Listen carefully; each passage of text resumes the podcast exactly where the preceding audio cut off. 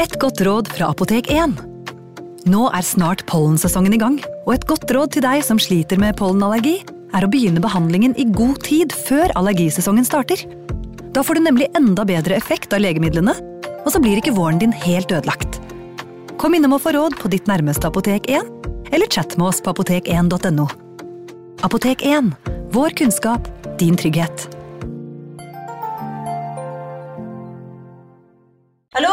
Jeg kommer fra Oslo politikammer.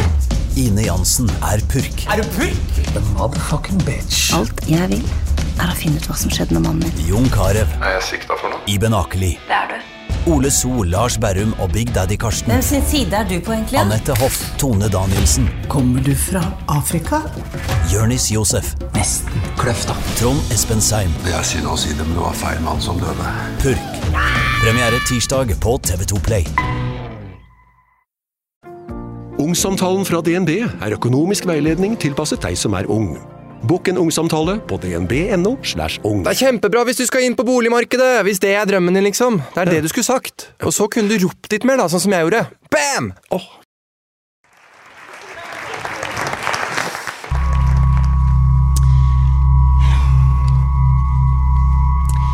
Tenk deg å sitte i fengsel. Du har all tid i verden. Eller kanskje ingen tid i det hele tatt. Avhengig av hvordan du ser på det. Du kan tenke. Tenke på hva du har gjort. På hvorfor du gjorde det du gjorde. Og forhåpentligvis kan du tenke på hva du kan forandre for å gjøre opp for deg. For det er det fengsel handler om, i alle fall i Norge. Du skal rehabiliteres fordi du skal tilbake til samfunnet igjen. Noen angrer bittert på det de har gjort. Skal vi se um, Beklager. Noen andre angrer bittert på det de gjorde, og begynner nye liv etter endt soning. Kanskje fordi de har gode mennesker rundt seg, eller et brennende ønske om å vende tilbake. Vi er også de menneskene som bruker livet sitt på å sone forskjellige dommer i fengsel fordi de rett og slett ikke har klart å holde seg på den berømte matten. Noen mennesker har vanskeligheter for å følge regler. Kanskje noen av dem i bunn og grunn ikke ønsker å forandre seg. Vi er alle forskjellige. Så har vi noen, heldigvis få, men fortsatt altfor mange, som sitter i fengsel og soner en annen persons straff. De uskyldig dømte. Tenk deg å ikke bare sitte i fengsel, men å sitte i fengsel uten å ha gjort det du er dømt for. Hvordan hadde det påvirket deg, de rundt deg, de som vet hvem du er, kanskje tror du gjorde det du var dømt for? Noen blir sluppet ut tidlig, da sannheten heldigvis kommer raskt frem. Men skaden er likevel skjedd. Andre, som f.eks. Fritz Moen, han satt 18 år i fengsel for to drap han ikke begikk. Men det finnes faktisk en sak som er enda verre. Vi er i Fredrikstad, og derfor kunne vi ikke starte denne kvelden med noen annen sak. Vi skal til lille helvete. Vi skal til Liland-saken. Velkommen til True Crime Podden live.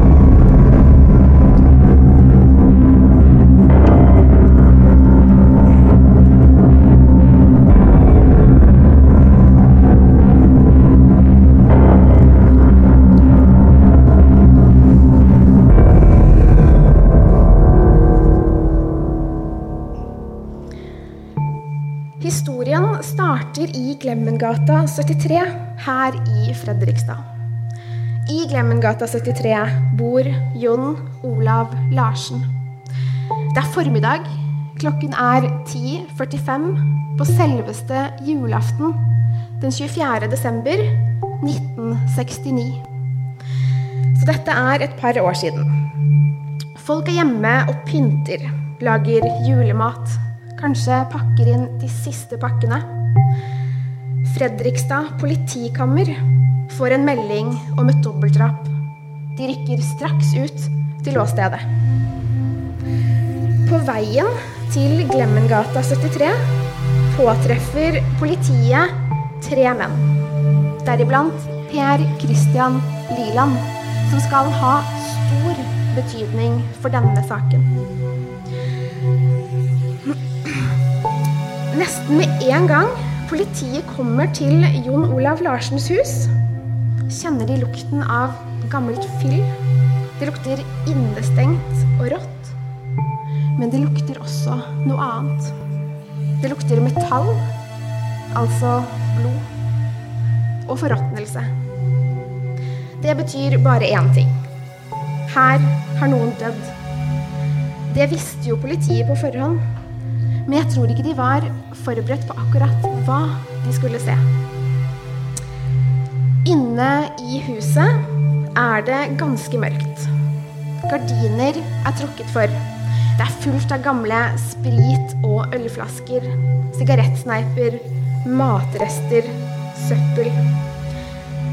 Det er også blod overalt. Blodet har sprutet på både vegger og tak. Men mest blod er det rundt to menn som ligger inne i huset med åpne hodeskaller. De to mennene er Jon Olav Larsen og Håkon Edvard Johansen.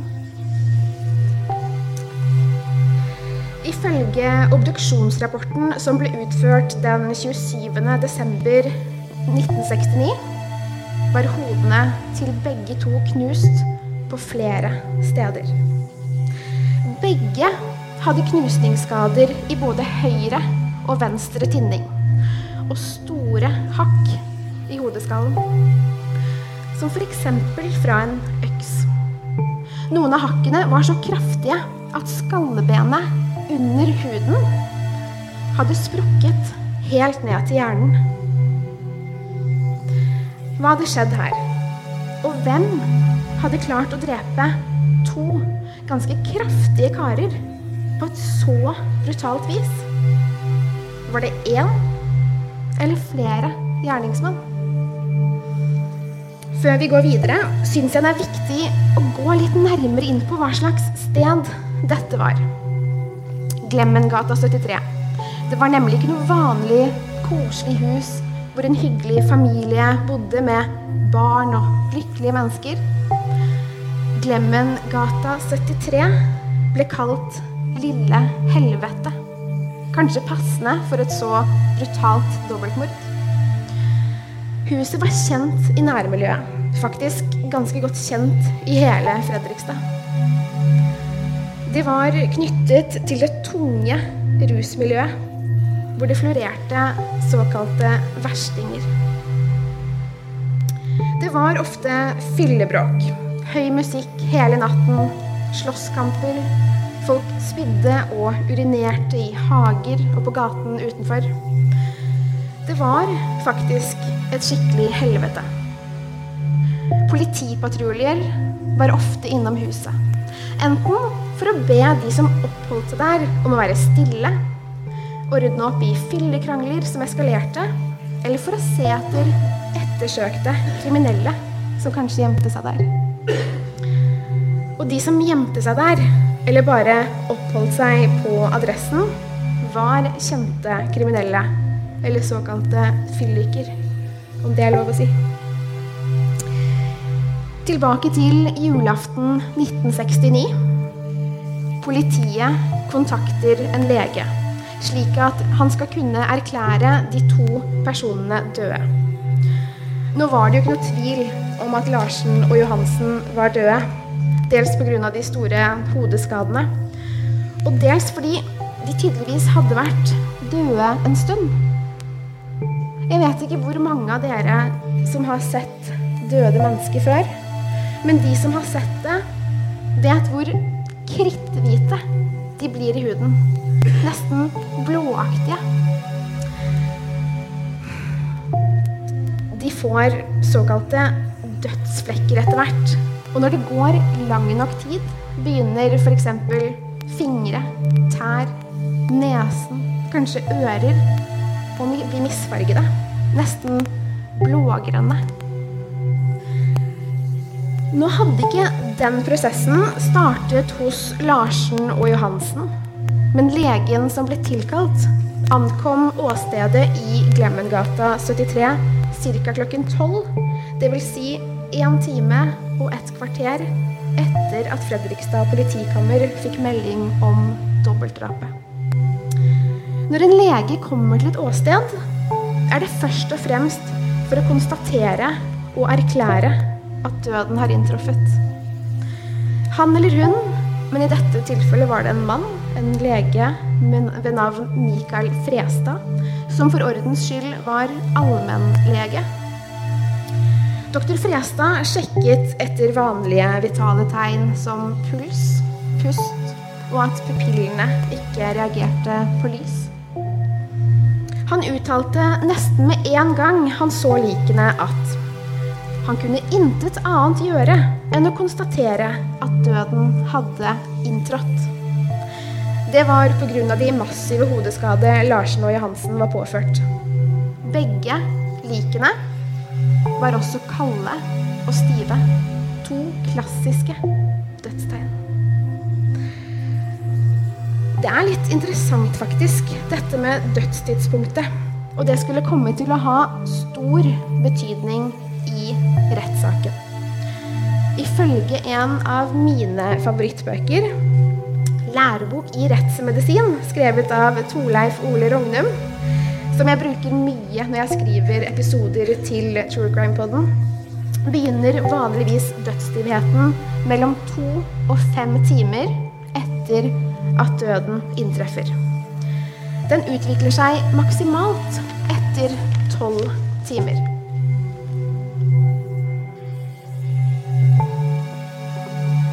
Det er nemlig veldig viktig for en lege på et åsted å måle temperaturen på liket, så sant det ikke er tatt opp av iskaldt vann eller ut fra et brennende hus. Da gjelder andre bestemmelser. Men såkalte vanlige lik måler man temperaturen for å avgjøre sånn cirka når døden inntraff. Kanskje ikke på minuttet, men på timen. Det skal være mulig å fastslå. Det er så viktig å få rett dødstidspunkt. For det kan få alvorlige konsekvenser i f.eks. en straffesak. Og det var det som skjedde i denne saken.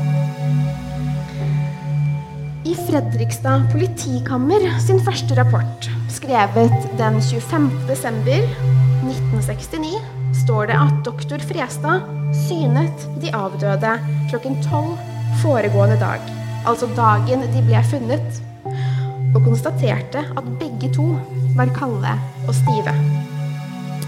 Legen antok derfor at døden hadde inntruffet foregående kveld, altså kvelden før de ble funnet, som vil si lille julaften.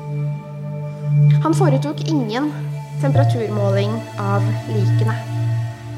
Er likene kalde og stive, har de vært døde i mellom 8 og 36 timer, men ikke mer enn 36 timer.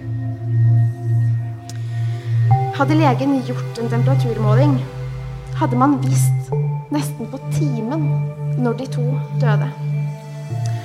Den 29. desember fylte legen ut en rapport som heter 'Legeerklæring om dødsfall'. Og i rubrikk nummer 14, som handler om dødsårsak, skriver legen 'huggsår i hodet'. Men ikke hvor mange eller hvor dype de var. Legen fyller videre ut skjemaet som for ordens skyld var standard rutine for både mistenkelige og såkalte naturlige dødsfall. Skjemaet er det samme uansett alder og dødsårsak, og i rubrikken 'Omtrentlig tid mellom sykdommens begynnelse og døden' skrev legen øyeblikkelig Det skal nevnes at sykdommen i Larsen og Johansens tilfelle var øks mot hodet. Legen skriver også at omtrentlig dødstidspunkt var lille julaften eller julaften. Det vil si, han vet ikke. Han gjetter. For han tok jo nemlig ikke temperaturen på likene.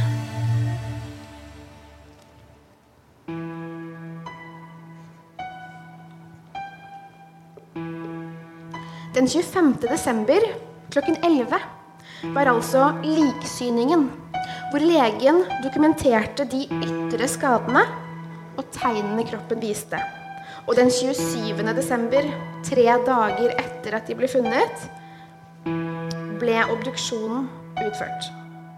Dere hører jo på True Crime Poden, så nå vet dere at dette kan bli litt ekkelt. Obduksjonsrapporten ble utført av professor Lundevall og lege Theisberg sammen. De sjekker først kroppene for ytre skader og dokumenterer disse. De måler temperatur, noterer hvor de har blodspor og sår på kroppen, grad av dødsstivhet og dødsflekker, som jeg nevnte tidligere. Så noterer de hva de avdøde hadde på seg, og eventuelle skader eller funn på disse. Både professoren og legen skriver og er enige om at begge døde den 23. eller 24. desember. De beskriver videre hodeskadene. Store lesjoner i huden med blotting av ben, som vil si at sårene på huden i hodet er såpass åpne at man kan se hodeskallen. Tinningene deres er slått inn, altså knust, på både høyre og venstre side. Svart, koagulert blod har størknet ved sårene. Hjerneknusning i pannen. De er altså blitt slått med en hard gjenstand midt i pannen. Dere kan jo tenke dere hvordan Larsen og Johansen så ut. Som nevnt var det mye bråk i Glemmengata 73. Det hadde det også vært i dagene før dobbeltmordet. No, noen av naboene hadde hørt musikk, stemmer, og at folk ropte stygge ting til hverandre. Det hadde vært skråling og støy. Det var den 22. desember. Det hadde vært fest i det lille huset. Og mange hadde vært innom både på ettermiddagen og kvelden. En av dem som var innom huset, var Per Christian Liland. Han var en av gjengen. Han hadde problemer med alkohol, rusmidler og temperament. Han hadde tidligere bodd sammen med Jon Olav Larsen, det ene drapsofferet. Flere av de som var til stede den 22. desember, da det var fest der, fortalte at Larsen og Liland hadde kranglet. De hadde kranglet om at Liland skulle flytte inn i leiligheten igjen. Det hadde også vært litt knuffing utenfor huset. Men ifølge naboer hadde det vært to personer som hadde kranglet høylytt. Men siden det var skumring, så var det ingen som visste om det var Larsen eller Liland eller noen andre. Som nevnt påtraff politiet tre personer på vei til åstedet på julaften. Det var Liland, Otto og Stepperen. De ble pågrepet i nærheten av Glemmengata 73 i løpet av den første timen etter at meldingen om dobbeltdrapet kom. Alle tre ble brakt til Fredrikstad politikammer og avhørt. Otto ble sluppet ut etter bare noen timer. Stepperen ble avhørt både julaften og første juledag på ettermiddagen og kvelden. Han ble avhørt som vitne, men på kvelden første juledag ble stepperen løslatt. Per Christian Liland ble også avhørt. Han ble spurt om hvor han var den 22., 23. og natt til 24. desember. Og Liland svarte på det. Det hadde ikke gått opp for han enda at han var mistenkt. Gjennom juledagen på, og første juledag ble det også avhørt en del av de nærmeste naboene. Samt folk som kanskje hadde sett Liland eller drapsofrene de foregående dagene. Naboer mente de hadde sett både Liland, stepperen og drapsofrene lille julaften. Samme dag som de trolig døde, ifølge legen som undersøkte likene.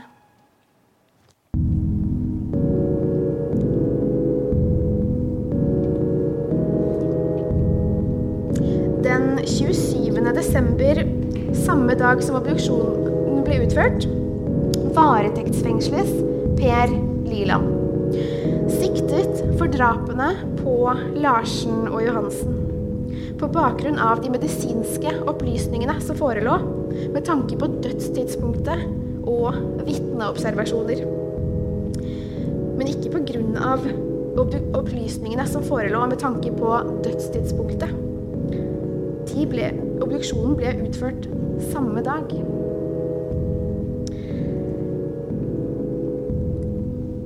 De brukte heller ikke opplysningene om legens De brukte opplysninger om legens antakelser på stedet, hvor det ikke ble foretatt noen temperaturmåling av likene, som kunne ha angitt et ca. dødstidspunkt.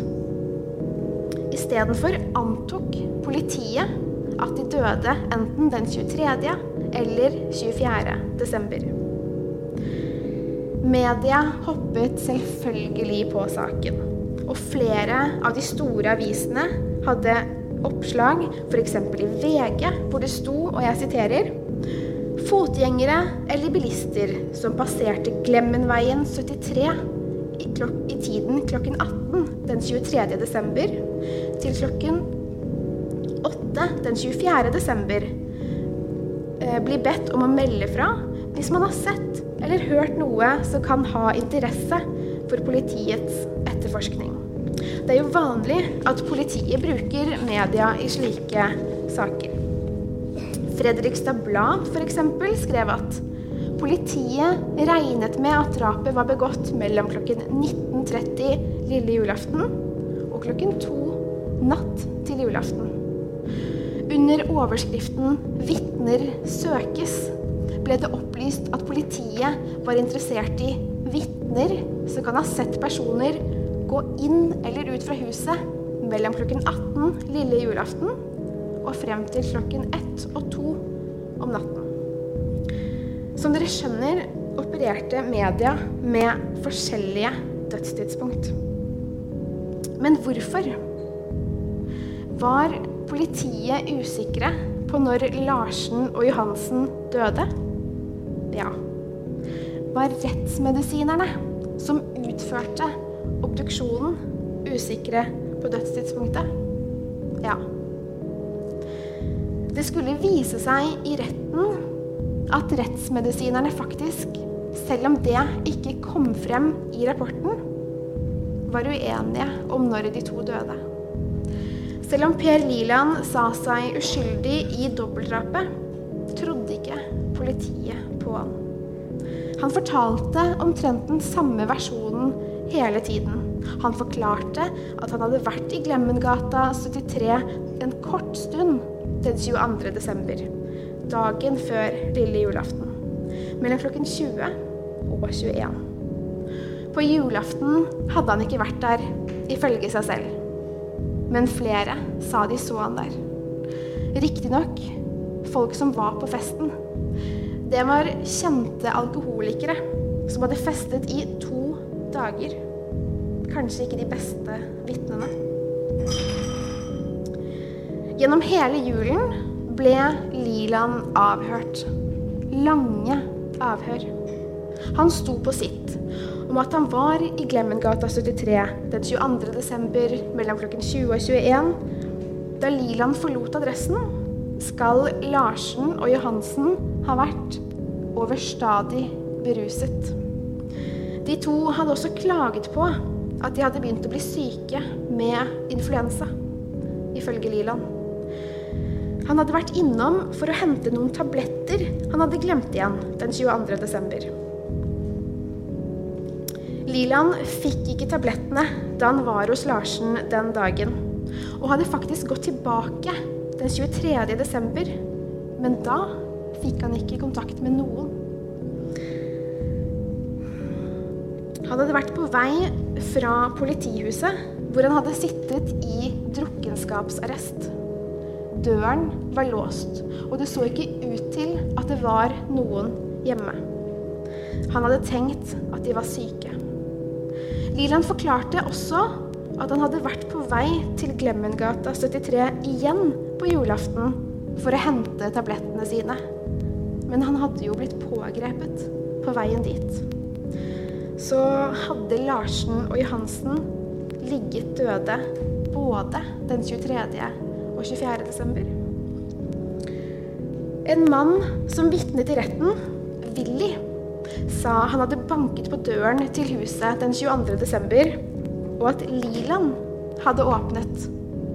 Gardinene hadde vært trukket for. Det var mørkt inne i stuen. Liland hadde sett stresset ut og sagt 'Du kan ikke komme inn her. Det er sykdom i huset'. Politiet hadde riktignok funnet Lilands fingeravtrykk i flere av rommene. Men det hadde jo vært ganske naturlig med tanke på at han hadde bodd i leiligheten inntil noen dager tidligere. Det ble aldri funnet noen andre fysiske bevis mot Liland, men politiet hang seg opp i at Liland hadde vasket en bukse den 22. desember, og at han hadde hatt blod på sin egen hodepute i hybelen. Det viste seg at dette var Lilands eget blod, da han hadde slitt med neseblødninger, særlig om natten. Etter hvert, utover våren 1970, begynner også etterforskerne å tvile på dødstidspunktet. Vitner sier både de så de drepte lille julaften, og at de ikke så de drepte lille julaften. Hadde festen vært den 22. eller 23.? Og når døde Larsen og Johansen egentlig? Det er faktisk umulig å si. Men det stoppet ikke retten. Den 3. juli, i Eidsivating lagmannsrett, ble Per Christian Liland dømt til lovens strengeste straff. Livsvarig fengsel og ti års sikring for forsettlig drap på Larsen og for å ha drept Johansen i et forsøk på å skjule en straffbar handling. Selv om både legen som ble tilkalt til stedet, mente de to hadde dødd den 24. desember, at de var kalde og stive ved ankomst, og de to som hadde utført obduksjonen, skrev at Larsen og Johansen hadde dødd mellom 23. og 24. desember, mente plutselig de sakkyndige som vitnet i retten, at Larsen og Johansen kunne ha vært døde så tidlig som 22. desember. Det var jo den dagen Liland hadde sagt han var på åstedet. Forvirrende, ikke sant? Det var også bl.a. dette som var beviset Liland ble dømt på. Det at en høytstående sakkyndig hadde sagt at de kunne vært drept den 22. En respektert mann mot en versting med rusproblemer. Liland og hans forsvarsadvokat anket saken på stedet. Den 28. november samme år blir anken forkastet. Selv om vitner hadde sagt at de hadde sett de avdøde den 23. desember, og flere mente at det var aktivitet på adressen lille julaften, ble forklaringene forkastet. Så da satt han i fengsel, helt alene. Man kan lure på hva han tenkte, hva han syntes. Og man kan lure på hvordan det må føles å ikke bli trodd. Det å vite at nesten hele Norge, for saken ble mye omtalt, trodde at Per Liland hadde drept Larsen og Johansen. Per Liland var en morder. Han hadde ingen. Hver gang han prøvde å anke eller finne nye bevis som kunne gjøre at saken skulle bli gjenopptatt, ble anken avvist. Venner forlot han. Han fikk, fikk sjelden besøk av andre enn advokaten sin. Han satt alene i julen, uten gaver, god mat eller folk som brydde seg om han. Uten å eie sin egen sannhet. Per Liland ga seg ikke, utrolig nok. Mange av oss, om vi hadde vært i samme situasjon, hadde kanskje innfunnet oss med skjebnen etter hvert. Tenkt at jeg får gjøre det beste ut av det. Men fighterviljen til Liland sluknet aldri. Og det kan være det som skiller de skyldige fra de uskyldige det at selv om mediesirkuset er over, og det at du blir glemt, at du faktisk kan bli anonym igjen, ikke er nok. Du vil opp og frem. Du vil kjempe for sannheten. Liland kunne jo bare ha blitt i fengselet, for tiden, den hadde gått. Liland sonet nemlig hele fengselsstraffen sin. Han ble aldri sluppet fri fordi han ble frikjent, eller fordi noen kom han til unnsetning og hjalp ham. Han sonet hvert minutt av dommen. I juni 1983, 13 år senere, kom han ut av fengselet, men ble direkte overført til sikringsdommen, som var ti år. Så Lilan var ute av fengsel, men levde under sikring. Det vil si at han hadde meldeplikt, og han fikk ikke gjøre sånn som han ville. Han var jo en øksemorder. Han hadde drept to personer i kaldt blod.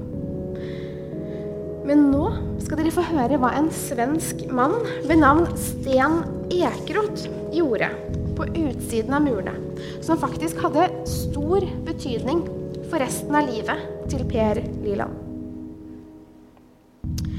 Sten Ekeroth og kona Vibeke hadde faktisk i flere år, også på midten av 70-tallet, forsøkt å få Liland frikjent for dobbeltdrapet etter å ha engasjert seg i saken grunnet det de mente var store hull i forklaringene. Sten skrev faktisk en bok med tittelen 'Julmorden i lille helvete', som inneholdt sider med avisutklipp, intervjuer, politiets og egne vitneavhør, som hadde blitt forkastet av påtaleenheten. De hadde blitt sett bort ifra retten. Samt teorier om hvem som kunne, skulle faktisk ha drept Larsen og Johansen. Sten Ekeroth var ikke snau. Han sendte den boken til daværende kronprins Harald samt statsministeren og justisministeren. Og Tore Sandberg. Dere kjenner kanskje Tore Sandberg fra episoden om Fritz Moen? Eller fra den mye omtalte Orderud-saken? Når Sandberg kommer på banen, da skjer det ting. Også frikjennelser. Tore Sandberg hadde hørt om Sten Ekeroth før, for han hadde et frynsete rykte. Han var en tvilsom fyr, syns mange.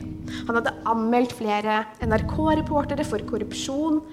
Men han hadde også vært manager for popgruppen The Pussycat fra Tromsø. Tore Sandberg leste boken hans på trass og gledet seg til å plukke fra hverandre teoriene hans. Men det skjedde ikke. Sandberg klarte det ikke. For teoriene og vitneutsagnene viste seg å stemme ganske godt. Og det fikk Sandberg til å tenke. Var det begått et justismord? Det var det. Liland han hadde allerede sonet hele dommen i fengsel. Og var som nevnt overført til den siste delen av dommen, som var ti års sikring. Han, hadde so han sonet hele den dommen også. Hvert minutt av sikringen. Ikke før i juni 1993 ble Per Liland løslatt fordi han hadde gjort opp for seg. Han hadde sonet hele straffen han ble idømt. 62 år gammel var han endelig satt fri. Og klar til å kjempe. Han ville renvaskes. Liland hadde med seg Tore Sandberg, Sten Ekeroth, i tillegg til advokatene Cato Schjøtz og Ole Jakob Aa. Dagen etter at Liland var ferdig med soningen, kom gjenopptakelsesbegjæringen. Sandberg, Ekeroth og advokatene mente dødstidspunktet var feil, og kontaktet to sakkyndige rettsmedisinere. Akkurat de to hadde vitnet i rettssaken sommeren 1970, da Liland ble dømt. Det skulle vise seg at de to faktisk hadde vært veldig uenige om dødstidspunktet.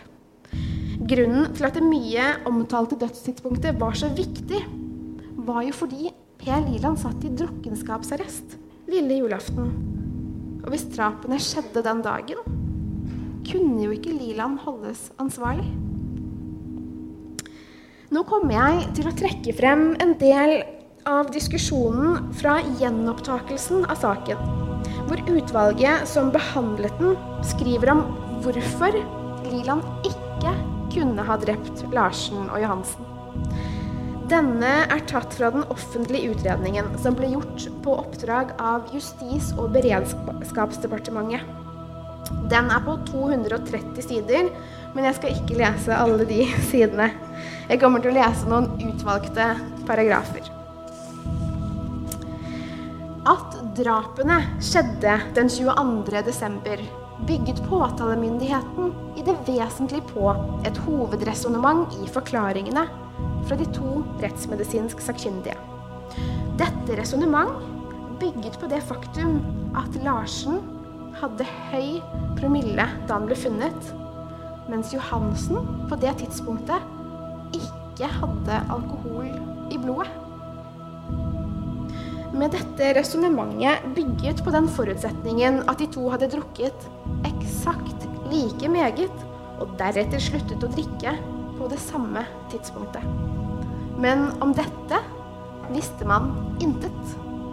Johansen kunne av forskjellige grunner ha sluttet å drikke lenge før Larsen, slik at han faktisk var edru da huggene falt. Også de rettsmedisinsk sakkyndige måtte bygge på visse forutsetninger, og også slike sakkyndige kunne ta feil. Det ble nevnt eksempler på dette fra tidligere saker.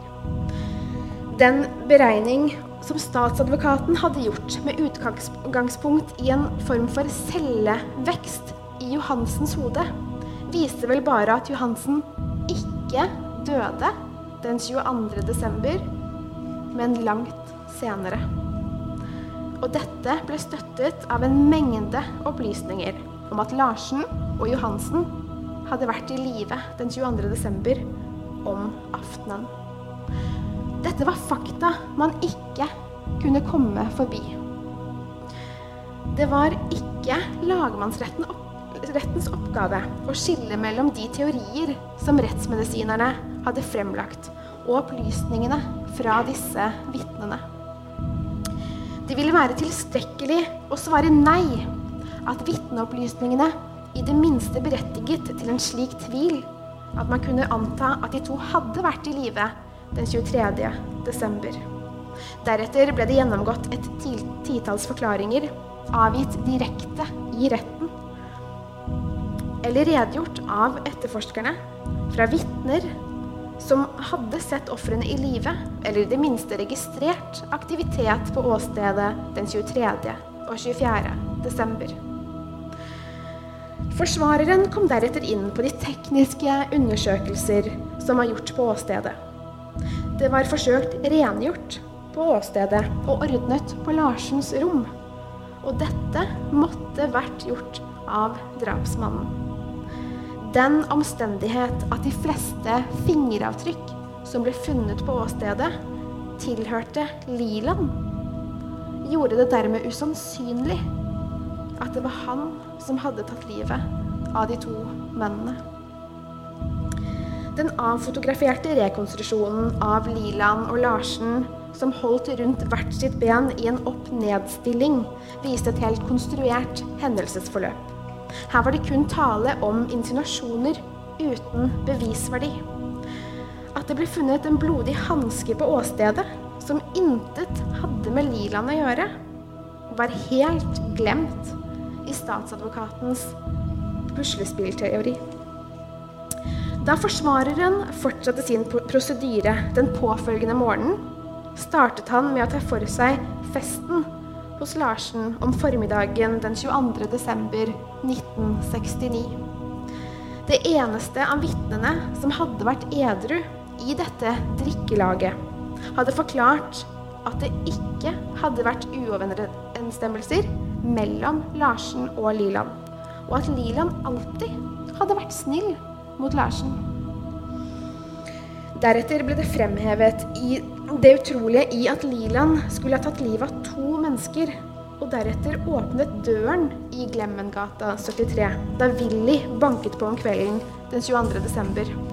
Hvorfor ta en slik risiko for å bli oppdaget?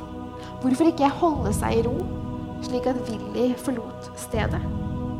Og deretter, hvis det var mørkt inne hos Larsen, slik Willy hadde gitt uttrykk for, Hvorledes kunne Liland da ha beveget seg der inne uten å få blodflekker på kappen, eller i det minste blod under skoene? Og hvorfor ble ikke naboene alarmert, i det minste, av ett av de to ofrene, hvis ugjerningen hadde skjedd på dagtid? Forsvareren fremhevet så at Larsens rom i Glemmengata 73 var et sted hvor både kjente og ukjente mennesker kunne komme inn til alle døgnets tider. Og det var ikke bare Guds beste barn som kom og gikk i dette alkoholikernes paradis. Larsen var så vidt labil at han kunne tenkes å ha avvist besøkende i meget harde ordelag. Og dette kunne ha utløst en situasjon som ledet til øksehuggene. Avslutningsvis ble det fremhevet at det ikke var noe som bandt Liland til drapene. At han derfor måtte frifinnes. Han hadde sittet i fengsel i nesten 25 år. Den 21. november 1994 ble Per Liland frikjent. Han fikk også tilkjent til sammen 13,7 millioner kroner i erstatning og oppreising. Men den 19. desember 1996, to år etter frifinnelsen, dør Per Liland av leversykdom. Etter de brutale øksemordene i Lille Helvete har faktisk en øksemorder gått fri her i Fredrikstad. Blant dere. Kanskje morderen lever i dag. Kanskje du så han på butikken. Kanskje han gikk forbi deg på gaten. Til neste gang, pass på dere selv, og takk for at du har hørt på True Crime Podden.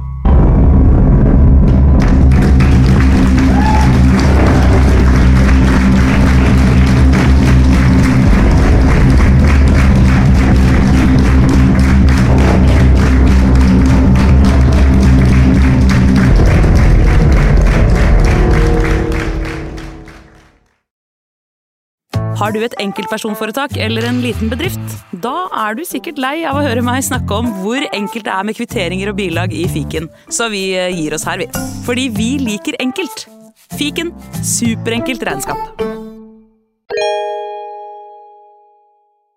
Hei! Takk for at du lytter til True Crime Podden. Skulle du ønske at du kunne høre en ny episode av denne podkasten hver eneste uke? Vel, da er det bare å laste ned podkastappen Untold med en gang. I tillegg til ukentlige episoder av podkaster som Skrekkpodden, Synderne og Henrettelsespodden, får du masse annet reklamefritt og eksklusivt innhold. Last ned Untold i AppStore eller Google Play, og start din 30 dagers prøveperiode i dag.